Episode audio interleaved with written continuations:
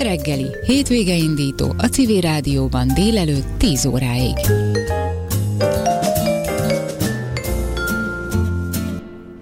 Nemrég nyílt meg a műcsarnokban Barabás Márton képzőművész Visszaszámlálás című életmű kiállítása, és nem sokkal ezelőtt jelent meg a könyve, aminek nagyon izgalmas a címe, Zongora átirat.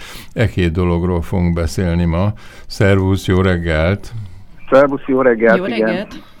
A, a, a kiállítás kapcsán jutott nekem eszembe, hogy hogy nehéz -e egy ilyen kiállításra válogatni, mert amikor tematikus, mint volt a Bécsi kiállításod a Beethoven évforduló kapcsán, az azt gondolom én, hogy az viszonylag könnyű. Volt egy év rákészülésed, elkészítetted, régi darabokból megnézted, mi passzol, aztán jöhet a teherautó. Itt viszont azért ennél sokkal többről van szó. Hát igen, 35 év vagy 38 év anyagából kellett összeállítani valamit, amiben jelen vannak a, azok a főbb jelenségcsoportok, amiket eddig a pályám során létrehoztam, készítettem, lehet úgy is mondani kicsit fellengzősen, hogy stíluskorszakok, és hát a térhez is kellett igazodni, ez a műcsarnoknak az apszisában és a mellette lévő két teremben, a fülekben kapott helyet. Ez is befolyásolta azt, hogy mit lehetett ebből az elég nagy anyagból kiválogatni amúgy elégedett vagy? Tehát úgy érzed, hogy jól válogattál? Mert a terem nekem is eszembe jutott, hogy ez szerintem a műcsarnok egyik legnagyobb összefüggő tere, hanem a legnagyobb. És ott Igen. nem is ezt szoktuk meg a kiállításoknál. Ez egy nagyon speciális tér, ugye apszisnak hívják, amely egy kicsit a templomoknak a leghátsó, az oltár befogadására szolgáló részéhez hasonlít. Nyilván akkor, amikor ezt valamikor építették, akkor erre is gondoltak. Szobor, szoborcsarnoknak hívták. Ennek a közbülső terébe épült egy korábbi építészeti kiállításhoz egy appiának nevezett hatalmas építmény. Hát ezt mindenképpen át kellett gondolni, hogy ezzel mit lehet kezdeni, ezt nem bontotta le a műcsarnok, ez további kiállításoknak is a helyszínéül, vagy részeként tekinthető. Ehhez én készítettem egy makettet, és kifejezetten erre az építményre létrejött egy új installáció is. Ne, igen, de mondjad, bocsánat, te mond. Jó, jó, hát a kiállítás anyagát nem csak egyedül én válogattam, az a szokás egy ilyen szabású kiállításnál, és jelesül a műcsarnokban is, hogy egy-egy kiállításhoz egy kurátort kap a, a művész. Van egy, egy független kurátor, hogy Szabó Noéminak hívják, egy fiatal művészettörténész, a Szentendrei Ferenci Múzeumnak a munkatársa, és hát például egy, egy nagy visszatekintő Vajda Lajos kiállításnak a kurátora volt, tehát egy nagyon komoly klasszikus művészettörténeti jelenség szerkesztésével, összeválogatásával, gondozásával volt korábban megbízva, úgyhogy ez nekem nagyon sokat segített az ő jelenléte, van a műcsarnokban is egy belső kurátor, aki pedig a technikai részeket intézi, de azért hát ővele is konzultáltunk arról, hogy mi ö, lenne szerencsés, ha bekerülne a kiállításra, és talán mi az, amit inkább ki kéne hagyni. Mennyi idő egy ilyen válogatási folyamat? Ezt sose látjuk. Megnézzük a kiállítást, ott örülünk, fanyalgunk, vagy ezt-azt ki ízlése szerint, de nem látunk a kulisszák mögé. Tehát mekkora munka ez a válogatás? Hát ez egy több hónapos munka, majdnem egy fél éves. Tehát körülbelül egy fél évvel ezelőtt tudtam meg, hogy lehet ez a kiállítás, tehát hogy a műcsarnok programjába ez bekerülhet, ami nagyon nagy dolog, és hát ettől kezdve aztán tulajdonképpen a levelezések sora, a művek előkeresésének a, a folyamata kezdődött meg, hiszen ezek nem az én műtermemben sorakoznak, hanem egy jelentős részük valakinél vagy valakiknél van. Vannak múzeumi tulajdonban lévő munkák, és vannak olyanok, amik magángyűjtőknél vannak. És hát sajnos vannak olyanok, amik eltűntek. Én vezetek egy elég pontos műtárlistát, a zenei analógiával opus számok, mm. szoktam nevezni ezeket a sorszámokat, és ezek az opuszok hát a visszakereshetővé teszik azt, hogy mi hol van. Például két munkám egy amsterdami aukción, a Christie's aukcióján kelt el, és hát az, az archívumot, amikor próbálták megkeresni, sajnos nem találták már meg. Valószínűleg már második, harmadik tulajdonosnál van az a két munka, amit mindenképpen szerettem volna beemelni a kiállításba, de volt itthon is olyan mű, amiről például a a gyűjtő, akihez került, nem járult hozzá, hogy elkerüljön tőle. Ez azért kevésbé tipikus, mint az, hogy valaki örömmel adja a munkát egy ilyen kiállításra, hiszen ez az ő gyűjtési koncepciójának a megerősítését is jelenti egyszer mint. Beszéljünk egy szót, a, vagy néhány szót a mai programról, mert hogy hogy volt már egy, egy-két tárlatvezetés, egyet te is csináltál, de ma egy egészen különleges program ez délután háromtól, hogyha jól tudom. Igen, igen. A műcsarnok igyekszik programokat szervezni egy-egy ilyen főleg hosszabb ideig nyitva tartó kiállításra. A mai programon a Barabás Lőrinc kvartett lép föl, Lőrinc a fiam, és hát szívesen elvállalta ezt a közreműködést, és az egész délutánnak a moderátora pedig Juhász Anna, aki a Szatyorbárban és másutt kultúremberekkel, főként irodalmárokkal tart beszélgetéseket, és elég népszerű volt szerencsét nekem is két ilyen alkalmon részt venni. Juhász Ferenc költőnek a lánya, és hát, hát ilyen értelemben a, a, a művészetbe nőtt bele, a művészettel élt gyerekkora óta. Kíváncsian várom, hogy hogy áll össze ez az est, vagy délután. És hát egyfajta tárlatvezetés is lesz, nem olyan, mint amilyen volt, és még lesz majd később is, hanem egy kicsit olyan, amit a, a székek mellől lehet végigvinni. A műcsarnoki tárlatvezetések egyébként úgy zajlanak, hogy fülhallgatót kapnak a, a résztvevők, a jelentkezők, és a kiállítás legtávolabbi zugába is elmehetnek, és hallhatják azt, hogy a tárlatvezető személy éppen mit mond. Tehát egy saját barangolási lehetőségnek is lehetőséget nyújt ez a, ez a módszer. Ez azért is nagyon figyelmes, észrevettem a az előző tárlatvezetéseteken, mert hogy, hogy ebben a térben elveszik a hang. Tehát, hogy Igen. ha akármilyen erős valkinek a hangja, hogy bebeszélje ezt a teret, az egy kilátástalan dolog. Tehát itt, itt muszáj valamit kitalálni, és ez egy nagyon elegáns megoldás. Igen, és hát nem mindenkinek van olyan orgánuma, ami ezt a hangot képes, vagy ezt a teret képes ö, átjárni. Anélkül, hogy kiabálna, ugye? Mert az, anélkül, az... hogy kiabálna, igen, ami hát kellemetlen, és a, a gondolatok szabad szárnyalásának is határszab. Eléggé visszhangos ez a tér, hát elsősorban ugye úgy épült, hogy felülről jövő természetes fény és a, a célzott fények a, a kiállítás tárgyait, műtárgyait vagy installációkat, tehát térberendezéseket jól értelmezhető, jól látható mód, módon ö, állíthassuk ki, és hát a hangra, az akusztikai térre nem figyeltek talán annak idején. Lehet, hogy majd egy rekonstrukció során erre is sor kerül, de hát ugye ezt úgy szokták általában elérni, láttuk például a Budapest Music Centerben, hogy lamellákat helyeznek el, az pedig egy ilyen kiállító térben nem nagyon szerencsés, tehát a, a visszhangos, visszhangosodást megakadályozó lemezkéket és ütköző felületeket. Nem biztos, hogy ez jól néz ki, igen. Nem, sőt, egyáltalán, hát itt egy, egy, egy, egy határozott funkció érdekében jött létre ez a tér, és hát ezzel próbálunk élni. A Lőrinc zenéje az elektronikusan moderált zene, kivéve a fő hangszerét, a trombitát, de ő azt is luppolja, tehát egy, egy ilyen elektronikus kütyűvel ismétlési effektusokat illeszt bele, a hangot torzítja, alakítja az elektronika eszközeivel, meg és talán ez a, ez a mm, lupolba meg moderált trombita hang, az ezt a teret jól bírja. Maga Biztos. a trombita is egyébként Igen. még a valamikori templomi korús zenélésnek is hát része volt, hiszen a trombita képes egy ekkora teret átfogni.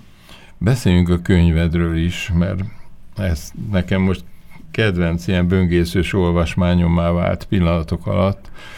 Először az jutott eszembe, hogy te nyomdában dolgoztál, és nyilván könyvészetet is a főiskolán vastagon tanultatok, hogy azon kívül, hogy megírtad, megszerkesztetted, vállaltál-e valamilyen munkát, hogy, hogy ebből a szövegből könyv legyen? Mind a két, tehát két kiadvány van, részben a, a műcsarnoki kiállításhoz készült, minden kiállításhoz készül az utóbbi időben egy elég komoly katalógus, és mind a két kiadványhoz, tehát a könyvhöz és ehhez a katalógushoz is kaptam egy-egy fiatal ö, grafikus ö, segítséget, és ővelük konzultálva alakult ki, illetve hát a, a, a szerkesztőség tagjainak a részvételével, ez az új művészet kiadó szerkesztő, szerkesztőségében jött létre ez a bizonyos könyv, Pataki Gábor és Rudolf Anicával alakítottuk ki, hogy ez hogy nézzen ki. Grafikailag mindenképpen segített, hogy én a középiskolát is már tervezőgrafikusként végeztem el, utána valóban voltam nyomdász is, pont azért, hogy a, a könyvkészítésnek azokat a részeit is megismerhessem, meg tanulhassam, amikről egyébként az emberek nem sokat tudnak, vagy nem, nem is kell, hogy tudjanak, de hát én ugye erre készültem egy fél életen keresztül, és hát ennek a tanulságai, bár közben ugye a digitális világ nagyon sok mindent átalakított, átszabott, azért ma is a fejemben vannak, vagy ma is segítenek egy ilyen kiadvány összeállításában. Az első írás az 1982-ből való, hogyha jól emlékszem, és, és jól követtem a könyvet. És, és az derül ki, hogy te nagyon sok mindent leírtál, naplót is vezettél, tehát hogy úgy, úgy az az érzés az embernek, már rögtön, ahogy beleolvastam, hogy ez neked rutinból van írás, tehát hogy, hogy nem, nem, nem most kezdted ezt a, ezt a szakmát, amit írásnak nevezünk, Uh-huh. Volt-e naplót például? Volt, van, van is. Hát nem olyan napló, ami minden áldott nap íródik. Nyilván ezt egy ilyen Thomas Mann alkatú e, írónak e, célszerű és fontos vezetni, de, de fontos eseményeket, vagy azokat a helyzeteket, amikor amikor az ember döntés előtt áll, és nincs esetleg olyan szakmai közeg, amiben ezeket ventilálni lehessen, tehát akkor, akkor ebben nagyon sokat segít a napló. Vannak olyan helyzetek, amikor az ember úgy érzi, hogy, hogy nagyon nehéz tovább lépni, de ha ez a naplóban időről időre eh, le van írva, akkor érez az ember egyfajta ciklikusságot, rá tud látni önmagára, a korábbi nehézségekre, és ezeknek a feloldása is valahogy dokumentálódik. A könyv maga egyébként két részből áll. Az első két harmadában kiállítás megnyitók, kiállítási koncepciók és a kiállításokra reflektáló írások szerepelnek. Ezek katalógusokban, folyóiratokban jelentek meg, és ide tartozik még egy hosszabb írás, amit Pajzs László festőművész stílus korszakairól írtam, ez egy doktori diszertációnak a szövege, itt egy kicsikét megmutatkozik, vagy látható az, hogy, hogy működik a művészetről gondolkodás, hogyha erre a doktori folyamat rá, a, a módszerességnek a szintjét egy más síkon kénytelen az ember művelni, tehát kutatás, ha úgy tetszik, tudományos kutatás apró munkája is hozzájárul ahhoz, hogy egy picit mélyebb szöveg felfedezéseket, vagy, vagy kutatási eredményeket közétevő szöveg is létrejöjjön. És az utolsó harmadban pedig valóban napló részletek vannak. Úgy gondoltam eredetileg, hogy ezek keverve szerepeljenek a kötetben, de Pataki Gábor tapasztalt könyvszerkesztő, művészettörténész, ő javasolta, hogy ez egy ilyen függelékként kerüljön a kötet végére, és utólag látva ez egy jó döntés volt. Könnyebb így a könyvet kezelni, és ha valakit a naplók jobban érdekelnek, mint a kicsit talán szárazabb szövegek, akkor mindjárt kezdheti az utolsó harmadában a könyvet olvasni. Azt írod magadról, hogy olyan festészetet művelek, amely a szobrászatról szól. Ez... Igen, hát ez, ez egy, azt hiszem, hogy nem csak én rám, hanem elég sok kortás művészre jellemző, talán nem ennyire sarkosan. Én nálam a szobrok jelennek meg az utóbbi időben készült festményeken, tehát úgy kell ezt elképzelni, aki nem látott soha még ilyet, hogy készítek mondjuk egy hintalószerű szobrot, és a hintalónak az ívére billentyűk, lennek, kész, billentyűk lettek föl helyezve, fölragasztva, tehát a, a zongorának a klaviatúrája nem egy vízszintes síkban van, hanem egy gyűrű palástja mentén, vagy vagy egy ilyen hintaló palás szakasza mentén helyezkednek el, és ezeket szerepeltetem én tulajdonképpen a képeimben. Ezekből áll össze egy olyan szövet, egy olyan rendszer, amivel képes vagyok remélhetőleg, vagy bízom benne egyfajta makettet, egy modellt létrehozni, amivel ö, olyan téri összefüggések ö, jönnek létre, ami érdemes arra, hogy megfesse az ember. Hogy miért nem csak rám vonatkozik ez, ezt azért gondoltam, hogy ezt megemlítem, mert a, a festményt, mint olyat, a digitális világ hát egy, egy speciális helyzetbe tolta bele. Tehát, hogyha a képernyőn a, a látható világ végtelenül meg tud jelenni, beleértve a, a reprodukált festményeket is, akkor ez egy új helyzet elé állítja magát a festészetet, vagy a, a képi ábrázolás korábbi lehetőségeit, vagy megoldásait mondjuk így inkább, és ezzel nem csak én találkozom, hanem a legtöbb kollega. Fontos talán megemlíteni, jelenleg a műcsarnokban az én kiállításom mellett még tíz további kiállítás van, és ezeknek egy része pont ezzel a problémával foglalkozik. Tehát festmények, de a felületük olyan mértékig artikulált, mint hogyha egy, egy szobor felületét látnánk. Tehát ez az a rész, amivel a digitális reprodukció egyelőre még nem tud megküzdeni. Hát vannak holográfiák. És nem baj, hogy nem tud, azért az nem baj. Nem baj, én is bízom benne, hogy, hogy, hogy ez az első sok, amit a, a digitális világ megjelenése és a média művészetnek a, a, a fantasztikus lehetősége és kibomlása okozott a képzőművészeten belül, hogy ez, ez azért most már nyugvópontra jutott, és elfogadnak a média művészetet kedvelő művészek is, vagy művészetről gondolkodók is olyan opciókat, amiket a, a festészet hagyományos eszközeivel ö, hoz létre egy mai művész. A, egy 1997. március 11-i bejegyzést fogok idézni, egész nap itthon voltam, és dolgoztam, kivéve késő délelőtt másfél órát, amikor Bencét hoztam haza a bölcsiből. Elaludt a vállamon, mint egy Klimt kép piros posgás arcú kisgyereke. Bence álmát a vállamon hoztam haza.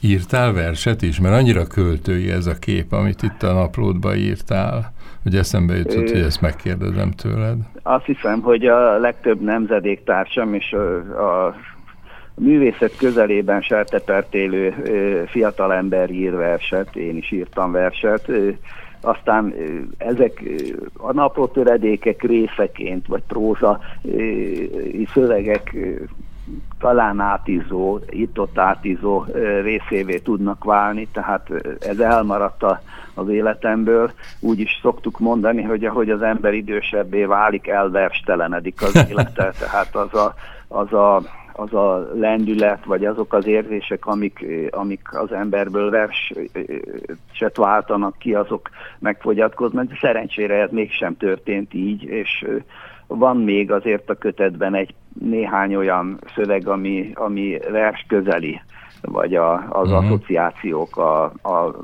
metaforák azok olyan jellegűek, mintha mintha ez az ember, aki ezt írta, azért szokott volna a verseket is Igen. olvasni, vagy Igen. érdekli a versben megjelenő uh, ritmus, uh, a rímeknek a, a, a szöveget előre lendítő uh, volt a, vagy a költői képek, mint olyanok a maguk szóbeliségében, és nem csak a képi költői képek. Gustav Klimt máshol is előjön a könyvben. Azt írod a, abban a részben, aminek az a címe, hogy mindenki tud rajzolni, hogy az a kivételes rajzkészség, ami például Klimt, amivel például Klimt rendelkezett, vajon miként hasznosulhatna manapság? És ugye az jutott eszembe, hogy mit csinálta Klimt akkor, amit ma nem tudna, vagy amit elnyomna más?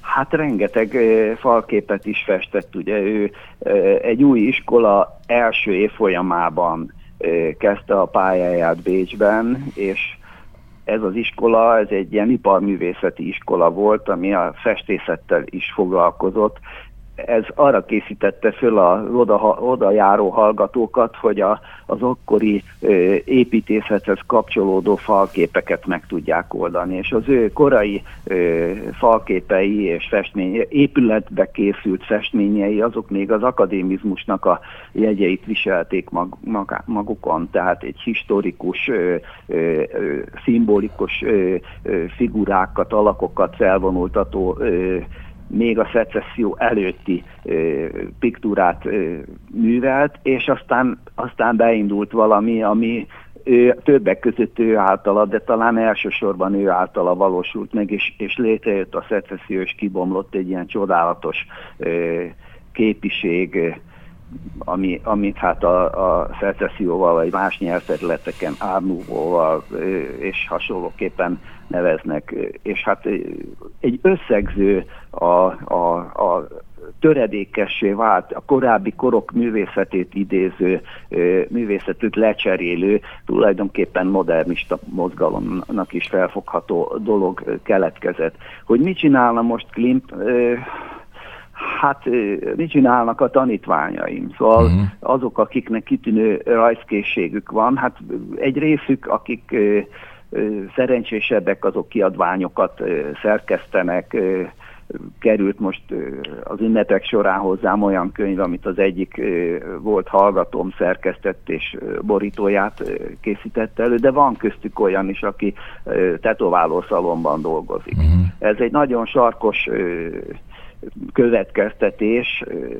Ugye néha az ember kénytelen sarkosan is fogalmazni, tehát elképzelhető, hogy Clint ezt a rajztudását, ezt nem feltétlenül képzőművészként tudná kamatoztatni, valahogy a, a mai építészet az nem igényli a társművészeteknek a jelenlétét. Szóval sorra épülnek meg olyan új épületek, amikben szinte egyáltalán nincs képzőművészet. Mm. Föl lehetne tenni azt a kérdést, hogy mit csinálnak Körösfői Kris Aladár, aki ugye az Zenakadémián az Ifjúság Kútja című freskót készítette el és mit csinálnának azok a diszítő művészek, akik, akik a Zeneakadémia összművészeti csodáját hozták létre ma? Mit csinálna? Mert, mert egyszerűen a, az építészeti minimalizmus, a nagy építészeti gondolat, az nem igényli, hogy ez, ez lebontódjék a kilincsig de nem csak a design termékek révén, hanem képzőművészeti alkotásokban is. És az építészet egyik mozdonya tulajdonképpen a művészetnek. És hogyha ez a mozdony ez nem húzza magával a, a művészetnek bizonyos kocsiait, akkor, akkor, akkor a művészet új utakat, új területeket próbál találni, és az egyik legtehetségesebb tanítványomnak a grafitit ott lehet látni, a kettes villamosnak a, a Lánchíd aluljáróban. aluljárójába. Már ahol a villamos jár alul. Marci, sajnos el kell köszönjek, annyira fáj, de, de muszáj, mert hogy lejár a műsoridőn két percen belül. Nagyon-nagyon örültem ennek a beszélgetésnek, és akár magánúton, akár itt a rádióban szívesen folytatom veled. Minden jót, boldog új évet, és ne haragudj, hogy ilyen kurtán furcsán lett vége. Köszönöm szépen. Szia, Jó. szia. Minden jót. Önök a civil rádiót hallják a hét mindennapján, 24 órában.